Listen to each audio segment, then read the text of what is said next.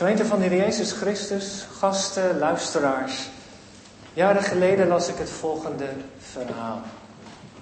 Over een jonge piloot die aan het vliegen was toen plotseling het weer omsloeg. Er kwam een dikke mist opzetten en het zicht was beperkt. Was alleen in het kleine vliegtuigje spannende situatie. Was nog maar net voor zijn vliegbrevet geslaagd. En nu moest hij op de instrumenten vliegen. En hij maakte zich zorgen op de landing, want op, die, op de luchthaven was hij nog nooit geweest. En er was nog redelijk veel verkeer. En doordat hij totaal niet kon zien en niet zoveel ervaring had, raakte hij in paniek. En twee keer stond hij op het punt om een noodsignaal af te geven. Maar hij kon zich ervan weerhouden, omdat hij op dat moment terugdacht aan de woorden van zijn instructeur. De instructeur had er namelijk op gestaan dat hij bepaalde handelingen steeds weer trainde. Dat een vlieghandboek aan hem gegeven met allerlei instructies. En ze hadden de landen en het opstijgen heel vaak geoefend.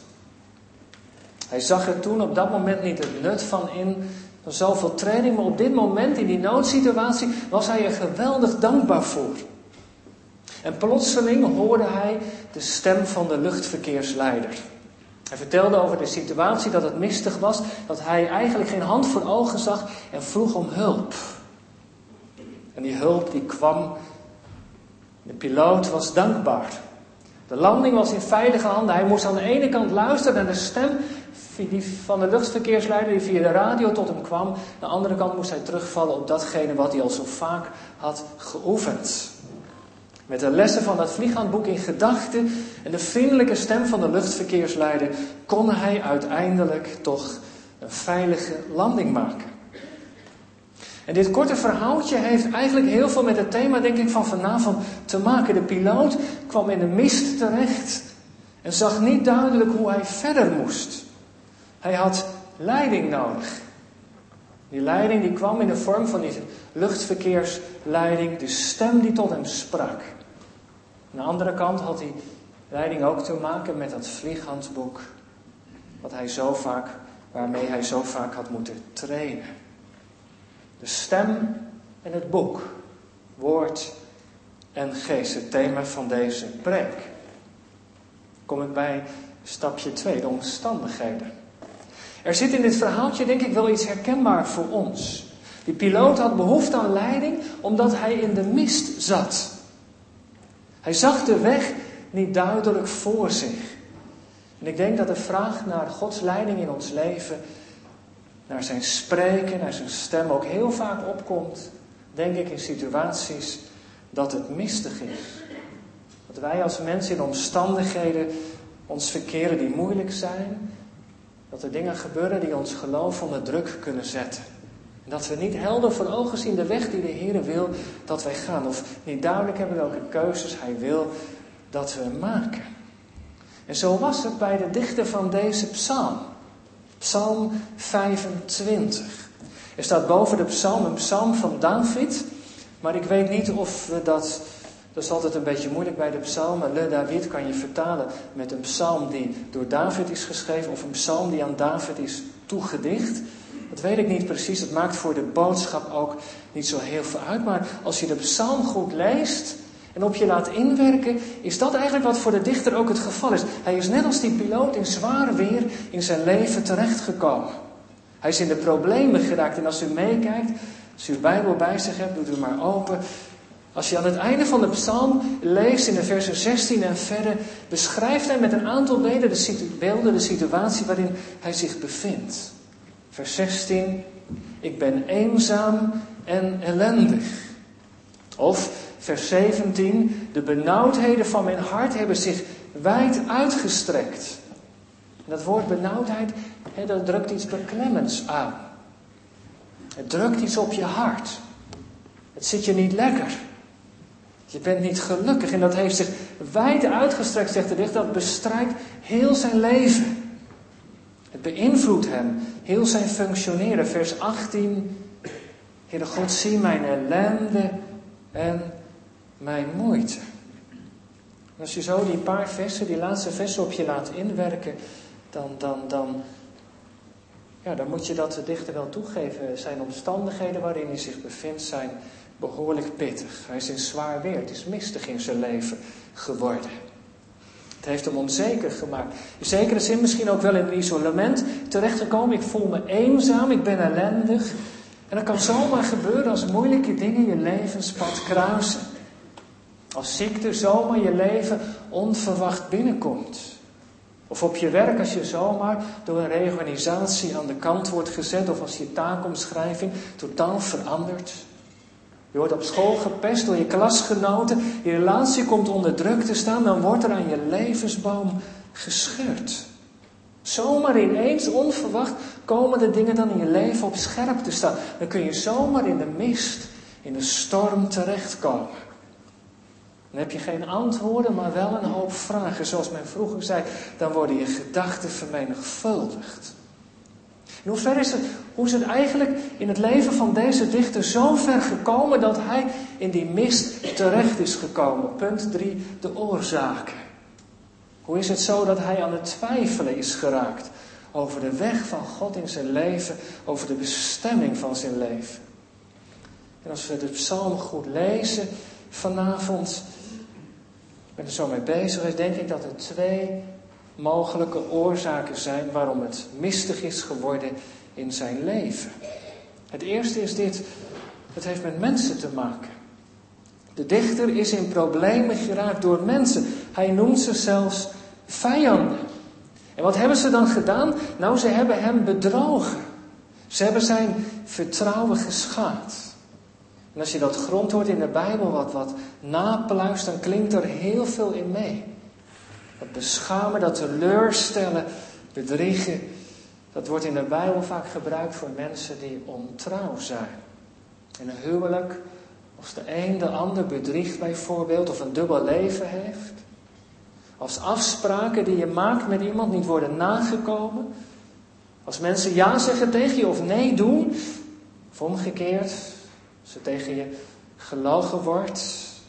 Of als mensen kring of je spreken zonder dat je erbij bent.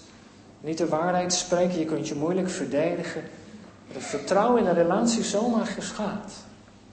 En hier gaat het zo ver dat die relatie tussen die andere mensen en de dichter zozeer vertroebeld is geworden dat hij ze zelfs, vers 19, zie, Heere God, mijn vijanden. Ze haten mij met een dodelijke haat. Het Hebreeuwse grondwoordje wat hier wordt gebruikt, dat kennen we allemaal. Gamas. Dat klinkt u misschien wel bekend in de oren. De haat tegen het Joodse volk, dat is wat hier in deze psalm wordt beschreven. De dichter heeft met een soortgelijke haat te maken. Haat of geweld van de mensen om hem heen. En dat kan nog in zekere zin ook een fysieke kant hebben.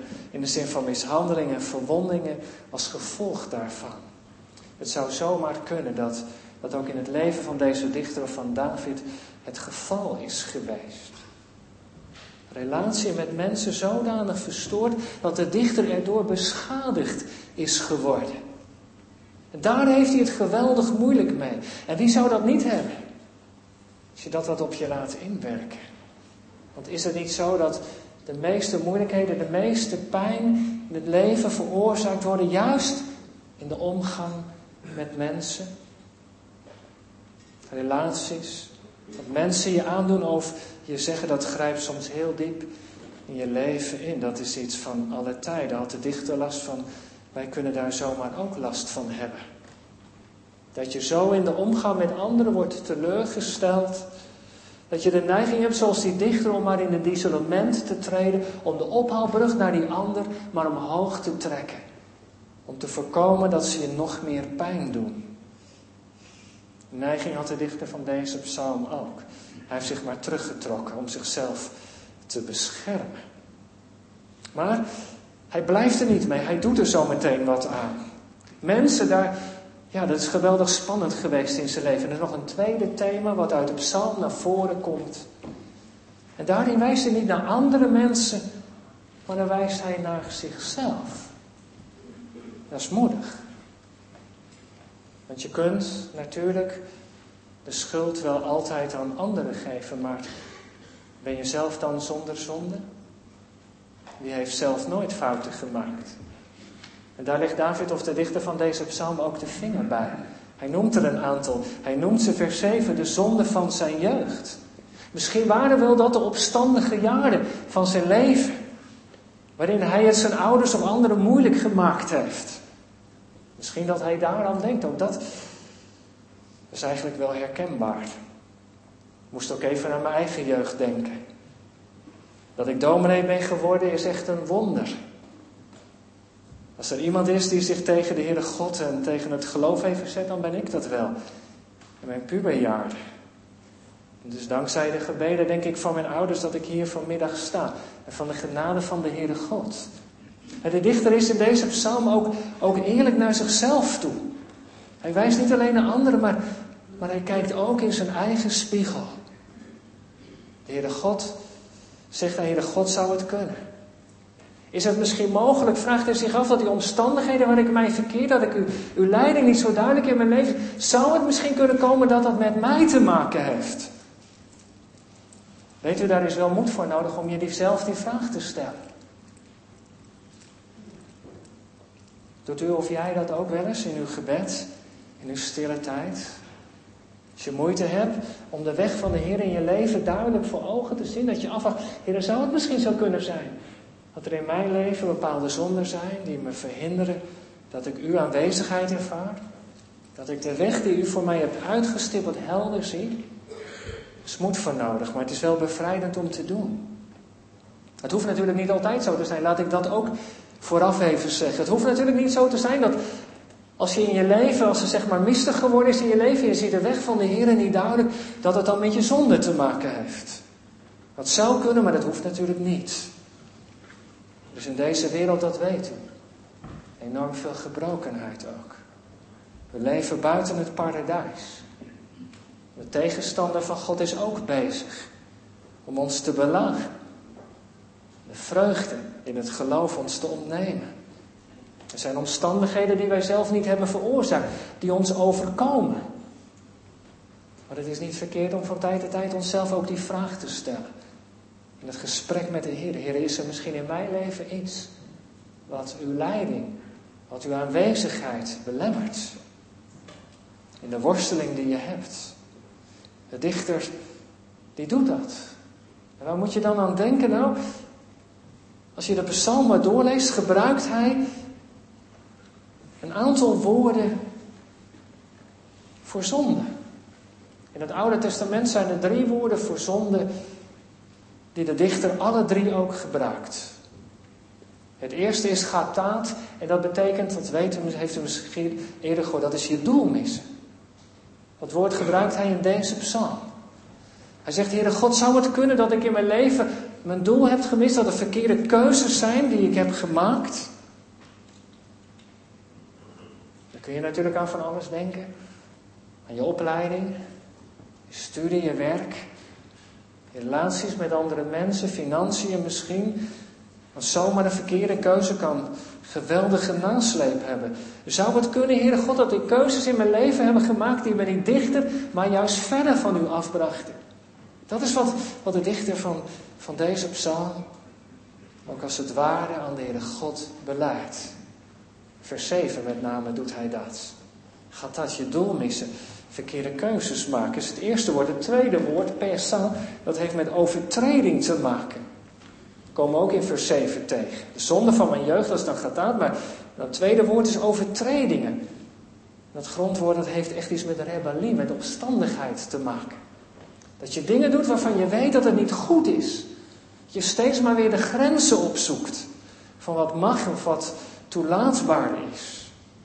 Kan natuurlijk als je jong bent in een relatie met je ouders zo zijn, maar ook later wel.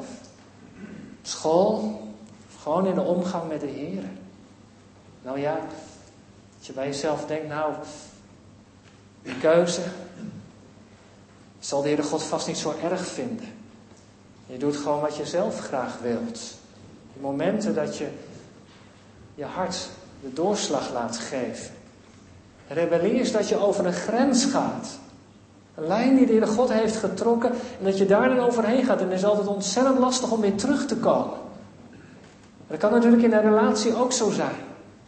Of, of als je met occulte spelletjes bezig bent geweest, dan ben je ook over een grens gegaan. Het is niet zo makkelijk om weer terug te komen. Dat heeft met die overtreding, met die opstandigheid te maken. Als je met vriendjes bent of klasgenoten en die doen bepaalde dingen en je doet mee, bijvoorbeeld.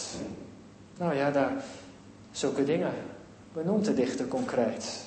Is het tweede woord. En het laatste woord, het derde woord, komt ook in de psalm voor ongerechtigheid. En dan zou je natuurlijk aan seksuele zonde kunnen denken. Als het David de dichter is, heeft hij zeker aan die affaire met Bathsheba gedacht. En zo is de dichter in deze psalm in gesprek met de Heere God. Heere God, dit is mijn leven. Zou het zo kunnen zijn dat deze dingen die ik heb gedaan, uw leiding vertroebelen? Het zicht op uw leiding belemmeren? En eigenlijk is de dichter in deze psalm heel open, heel eerlijk. En hij laat ons vanmiddag, vanavond een beetje meekijken in zijn hart. Hij zegt, weet je, al deze dingen, en daarom gebruikt hij ook de drie grondwoorden om het zo breed mogelijk te trekken. Al deze dingen kunnen je in het leven met de Heere God in de weg staan. Waardoor zijn leiding moeilijk waar te nemen is. Kijk vanmiddag eens in de spiegel, zegt hij tegen ons. Hoe zit dat nou bij jou? Hoe zit dat bij u? Zou het kunnen zijn dat het mistig is in je leven? Omdat je vastzit aan bepaalde zonden misschien? Of dat je niet zuiver hebt gehandeld in relatie tot anderen. Zou het kunnen dat het daardoor donker is in je leven en dat je zijn aanwezigheid zo weinig ervan merkt? De dichter brengt het in gesprek met de Heere God. En als er dingen zijn in je leven die zijn misgegaan en die je nooit aan de Heer hebt beleden, dan is de psalm een uitnodiging om dat vandaag eens te doen. Om open kaart te spelen met de Heere God. De dichter doet dat en wij kunnen met hem meekijken vanavond. Open kaart spelen met God. Kom ik bij mijn vierde punt. Het gebed. Wat, wat deed de piloot toen hij in de mist kwam? Ja, dat zei hij. Zij hoorden aan het begin. Hij zocht contact met de verkeersstoorder, met de luchtverkeersleider. Nou, dat is ook wat wij moeten doen, zegt de dichter van deze psalm. En hij doet het dan ook. Zo begint de psalm in het eerste vers. Tot u, o Heere, hef ik mijn ziel op. Wat doet de dichter? De dichter gaat de weg omhoog. Dat is een belangrijke weg. En soms is het moeilijk om die weg te gaan. Als bepaalde dingen in je leven mis zijn gegaan. Om dan open kaart te spelen ten opzichte van de Heer. En die dichter doet dat wel. Heer, ik hef mijn ziel op. Die ziel, dat is woordje is moeilijk te vertalen, maar iemand vertaalde het zo. Als die kwetsbare binnenruimte, de binnenkant van je hart. Zo staat de dichter eigenlijk voor, voor de Heere God. Met zijn hart. Heere God, dit is mijn leven. Dit is mijn hart. Is er iets wat schadelijk is? Bidt hij in een andere psalm. Heere God, dit is die kwetsbare binnenruimte. Dat is het hart wat verwond is. De relatie met andere mensen. Maar dit is ook het hart waarmee ik heb gezondigd. Waarmee ik u verdriet heb gedaan. En hij brengt het voor het aangezicht van de Heere God. En weet u, dat is zo belangrijk om dat te doen. Doet u dat ook? Doe jij dat ook? Dat je de pijn en de zorgen en je vragen deelt met de Heere God. De dichter houdt niets achter. Hij speelt open kaart en dat en dat adviseert hij ons vanavond om ook te doen.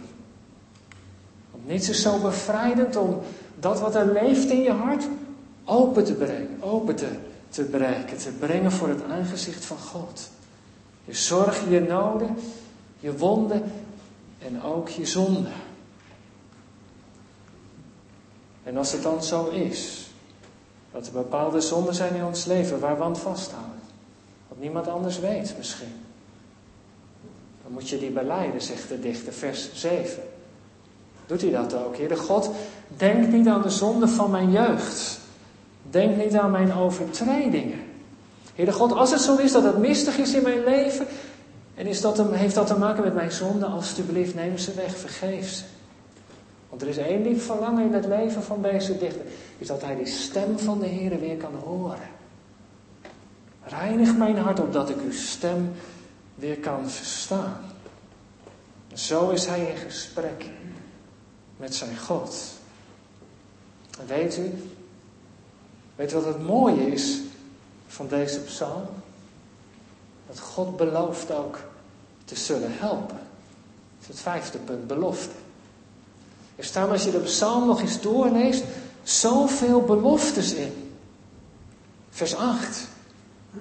Goed en waarachtig is de Heer. Daarom onderwijst hij zondaars de weg. Vers 9. Hij leidt zachtmoedigen. Hij leert ze zijn weg. Of vers 12. Hij onderwijst hem in de weg die hij moet kiezen. Weet wat me tijdens de voorbereiding van de preek trof? Is dat wat er staat in vers 8. Wat wordt er gezegd van de Heere God? Hij onderwijst zondaars de weg. Deze belofte, deze psalm, die gaat over gelovige mensen die zondigen. En die belofte gaat erover dat de Heer zulke mensen zal leiden en zijn weg bekendmaken. Mensen die de Heer toebehoren, maar in het leven met Hem struikelen. Die ondanks hun relatie met de Heer Hem verdriet doen. Zonde doen.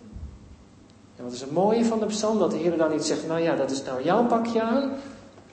Blijf daar maar bij, ik trek mij terug. Nee, hij onderwijst zelfs zondaren de weg. Ik vind dat wel heel bemoedigend. Dus er is geen enkele reden waarop de Heer ons niet zou willen leiden. Niet tot ons zou willen spreken. Hij doet niets liever. Daarom vinden we in deze psalm ook zo vaak die belofte. Ik zal je onderwijzen, ik zal je leren in de weg die je moet gaan. U voelt misschien wel aan dat, dat als de Heere God zo die belofte vanuit deze psalm naar ons toe laat komen vanmiddag, hè, dat hij zegt van ik wil ook graag je leven leiden, dat dat van onze kant, dat we dat ook wel moeten willen. Dat we daar natuurlijk ook wel voor open moeten staan. Dat hoort erbij. De keerzijde van het zoeken naar Gods leiding is dat we daar ook naar verlangen, Hem daar ook naar vragen. Doet u dat ook? Doe jij dat ook? Soms zit daar bij ons denk ik wel een hobbel. Ik weet niet hoe dat bij jou of u is. We verlangen er wel naar dat de Heere God bij ons is. Dat Hij ons bemoedigt, dat Hij ons helpt. Maar, maar durven wij ook echt Hem toe te laten in ons leven? Dat Hij ons leven ook leidt? Want dat is spannend. Want als je tegen de Heere God zegt, Heere, wilt u mijn leven leiden? Dat betekent dus ook dat je je moet laten leiden.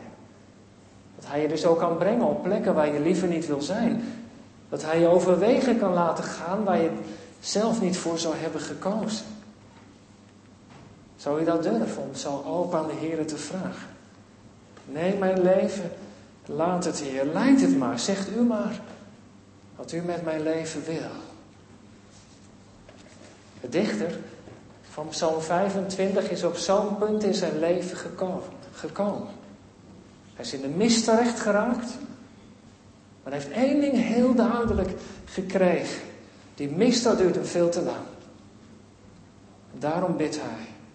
Heere God, maak mij uw weg bekend. We hebben het samen zo gezongen. Moet eens meekijken naar vers 4 en 5. zou je eigenlijk moeten onderstrepen dat gebed van de dichter. Wat bidt hij eigenlijk? Heere, maak mij weg, maak mij uw weg bekend. Leer mij uw paden. Leid mij in uw waarheid. En dat is ook het geheim van het gebed van deze dichter. Daar zit een heel sterke besef in dat de Heer het mag bepalen. Hij vraagt niet naar een bekende weg, maar hij vraagt naar de weg van de Heere God. En dat is belangrijk.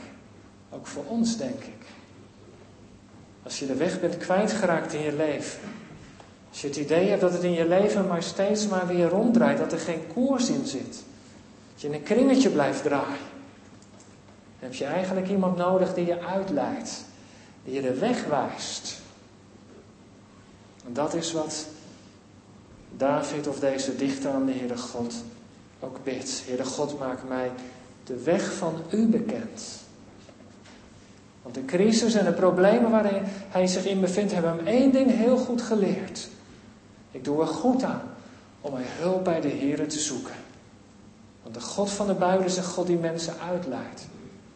Uit de doolhof van de mist naar de veilige haven. En dat is de boodschap van deze psalm.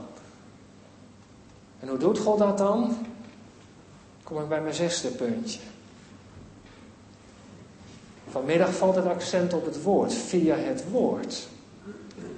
Heere God heeft heel veel manieren om tot ons te spreken vandaag de dag. Hij kan door het gebed tot ons spreken. Hij kan via mensen, broeder of zuster tot ons spreken. Of misschien wel via een droom of een visioen. Of via omstandigheden. vanmiddag legt de dichter de nadruk op het woord. En daar leg ik ook vanmiddag maar even de vinger bij. Nou ja, niet ik, maar de dichter van de psalm doet dat. Want het is u natuurlijk wel opgevallen dat de psalm een alfabetische psalm is. Daarom heb ik maar even die Hebreeuwse letters van het alfabet meegelezen. 22 versen. Er zijn meer psalmen in het psalmboek die 22 versen hebben. Psalm 34 bijvoorbeeld. En in het Hebreeuws begint elk vers met een letter van het alfabet. Alef, Bet en zo verder. 22 versen, 22 letters, het Hebreeuwse alfabet. En waarom heeft de dichter van deze psalm nou die letters van het alfabet toegevoegd? Nou ja, dat is dus wat hij ons meegeeft vanavond. Om de stem van God te kunnen verstaan. Is het woord van God dus geweldig belangrijk. Zoals je de letters van het alfabet nodig hebt om een taal te kunnen leren, en zo begint het toch al vroeg in onze kinderjaren. Zo was het ook bij een Joodse familie. De eerste letters van het alfabet, de alef en de bet, dat waren de eerste letters die ze leerden. En het mooie in het Hebreeuws is, als je de alef en de bet bij elkaar voegt, krijg je af. Of in het Aramees abba. Vader betekent dat. De eerste twee letters van het alfabet. Er zit de vadernaam van God in. En zo leert een Joodse jongen, Joods meisje de letters van het alfabet leert hij de taal van zijn vader in de hemel. Nou, dat is wat de dichter van deze psalm zegt. Wil je de taal van de Heere God, de hemelse Vader, leren verstaan? Begin dan bij de taal, de letters van het woord. Wil je op zijn golflengte komen? Dan moet je het woord van God gaan spellen. Letter voor letter, woord voor woord, zin voor zin. En daarom bidt de dichter in deze psalm ook steeds weer, Heere God, leer me nou. Onderwijs me nou verder in de weg van u, in het woord van u. Want hoe meer je thuis raakt in het woord van God, hoe meer woorden God heeft om tot je te spreken. Hoe meer je thuis bent in de Bijbel, hoe beter je de stem van God kunt leren verstaan. Want de Heilige Geest is een vriend van het woord. Die gebruikt zo vaak het woord vanuit de Bijbel om tot ons te spreken. En misschien heeft u die ervaring ook wel eens gehad. Dat je in de Bijbel zit te lezen dat er zomaar een vers is die er voor je uitspringt. Als je meditatie leest over het woord, er zomaar een regeltje is uit het woord wat bij je blijft haken. En misschien heeft u ook wel eens gehad dat het woord later op die dag of later in die week nog eens bij je terugkwam. Via een kaartje dat je kreeg of tijdens de dienst die je bijwoonde. In Chili zeiden wij dan vaak, God spreekt altijd of heel vaak in stereo.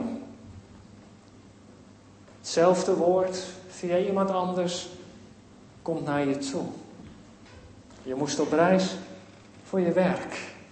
Psalm 121 kwam in je gedachten. De Heer zal je uitgang en je ingang bewaren.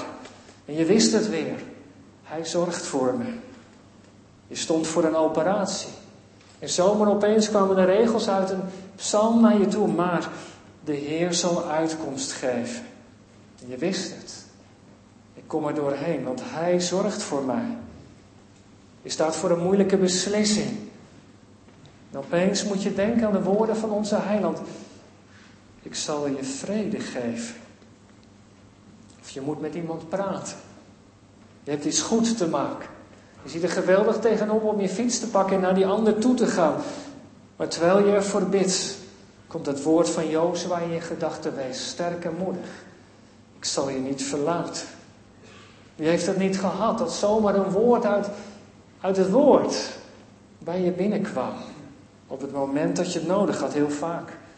Staan we niet zo lang bij stil, maar het is belangrijk. De Heilige Geest is de vriend van het woord. Zo begint Hij met ons te leiden. Daarom is het belangrijk. En dat zegt de dichter ook. En daarom heeft hij dat alfabetische in de psalm ingebracht. Het is belangrijk om dat woord te blijven lezen. Doe het alsjeblieft open. Ga het spellen. Want de Heilige Geest gaat het woord gebruiken om tot je te spreken. Zo ontvang je leiding van de Heer die je nodig hebt. Of antwoord op het gebed. Begin ermee zo vroeg als het kan met je kinderen. Leer ze het ABC, het Alef, Bet, Gimel van het woord. Verhalen te vertellen door het woord steeds maar weer open te doen. Ook als je druk hebt, juist als je druk hebt. Of zoals iemand eens als titel aan zijn boekje gaf over het gebed. Te druk om niet te bidden. De Heer zal het zegenen. Want via dat woord spreekt Hij. En belooft Hij zijn kinderen te zullen leiden. Dwars door de mist mag je zomaar zijn stem leren verstaan. Net als bij die piloot. Het handboek en die stem, die hebben hem geholpen. Het woord en Gods geest. En dan als laatste, daar eindig ik mee. Wat is de vrucht van dat alles? Het zo bezig zijn met het woord, biddend en luisterend. Wat is daar nou de vrucht van? Ik noem er twee tot slot. Het brengt je dichter bij de Heer Jezus. En het geeft je liefde voor Israël. Die twee dingen gaan samen op. Want, moet er maar eens even kijken, wat bidt die dichter in vers 5? Heren, u bent de God van mijn heil, zegt hij. Heil in het Hebreeuws is Yeshua. Is hetzelfde grondwoord waar Yeshua van afgeleid is. De naam, de Hebreeuwse naam van onze heiland. Je zou kunnen zeggen, deze oud-testamentische dichter die bidt. Heere God, u bent de God van mijn Yeshua. Zonder het nog te weten. Maar wij weten van de vervulling dat de Yeshua de Heer Jezus is. U bent de God van mijn Jezus. Zo mag je met het woord van God omgaan. Zo mag je in de binnenkamer mee naar de Vader gaan. Heere God, dit is uw woord. Het is het woord van uw zoon. En ik mag het lezen. Zo brengt het woord je altijd dichter bij Hem. Want het is via de Heer Jezus dat wij dat woord hebben gekregen. En als je ermee bezig bent, net als Hij, als je de vreugde vindt in het bezig zijn in de woorden van de Vader, dan zul je meer en meer op de Heer Jezus gaan lijken. Want het boek van de Bijbel gaat toch vooral over Hem. Over Hem die zijn leven heeft gegeven. Over Hem die er alles voor over had om ons van zondaren tot kinderen van de Vader te maken. Mag, toch ons dat, mag ook dat ons gebed zijn. Heere God, maak in uw woord mijn gang en treden vast. Dan blijf je dicht bij de hoofdpersoon van het boek, dicht bij de Heer Jezus. En dan krijg je liefde voor Israël. Daar eindigde dit gebed ook mee. O God, laatste vers. Verlos Israël uit al zijn benauwdheden. Het hoort voor de dichter helemaal bij elkaar. Zo mogen wij het ook dicht bij elkaar houden. Dankzij het werk van de Heer Jezus zal God Israël en ook ons verlossen uit al onze benauwdheden. En zijn belofte is, die mag u meenemen, mag jij meenemen vanavond, dat hij ons, als het mistig is geworden in ons leven, zal brengen in een veilige haven. Geen kalme reis, maar dankzij Gods leiding wel een behouden aankomst. Amen.